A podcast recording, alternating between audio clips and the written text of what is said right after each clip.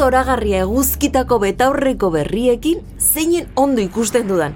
Distirarik ez eta dena garbi-garbi. Horregatik prezioa, egun da irurogeita marreuro ordaindu ditut. Baina tira, langilaren egunagatik kapritxo bat merezi dut. Ez baita jaiegunik izan. Elon Muskek ere Twitterren kapritxoa zuen. Eta berrogeita lau mila milioi dolarren truke eskuratu du plaza publiko digitala. Zer ote du plaza horrek hainbeste balio izateko. Urrezko bankuak, petrolio iturriak, diamantezko artxintxarrak, txirristra espazialak, ez pa? Elonen ustez, plaza egoera penagarrian dago.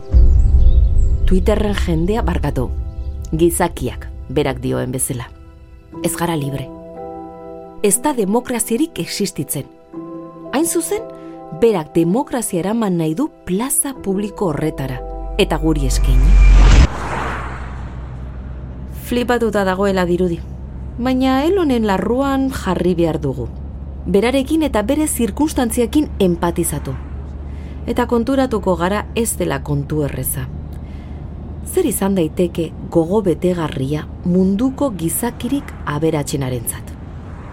Ferrari bat, jate bat, maskota estralurtar bat, ba, gogo bete dezaken gauza bakarra jainkoa izatea da.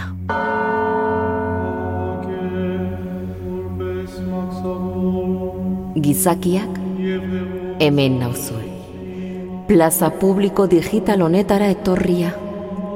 Zuen iritziak, kate zapaltzaietatik askatzeko. Kartzela honetako burdin barra ikusezinak austeko. Eta zuen ahotsak isilerazten, mutilatzen, eta harinba erratuak bezela, ibiltzera kondenatzen dituen demokrazia itxurako diktadura hau apurtzeko. Nire helburu bakarra da berriz ametxe egin dezazuela mundu zoriontsu, bai, zoriontsu, demokratiko eta libre batekin.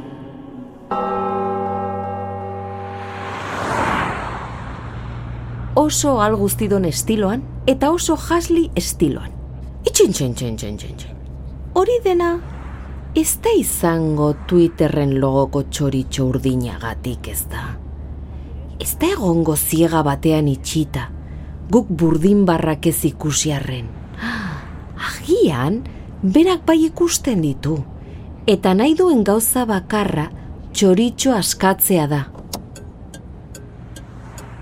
Baina kontuz, kontuz, ze agian, o elon, txoritxoaren atzetik ibiltzeko arrazoia da lehenengo arrapatzea.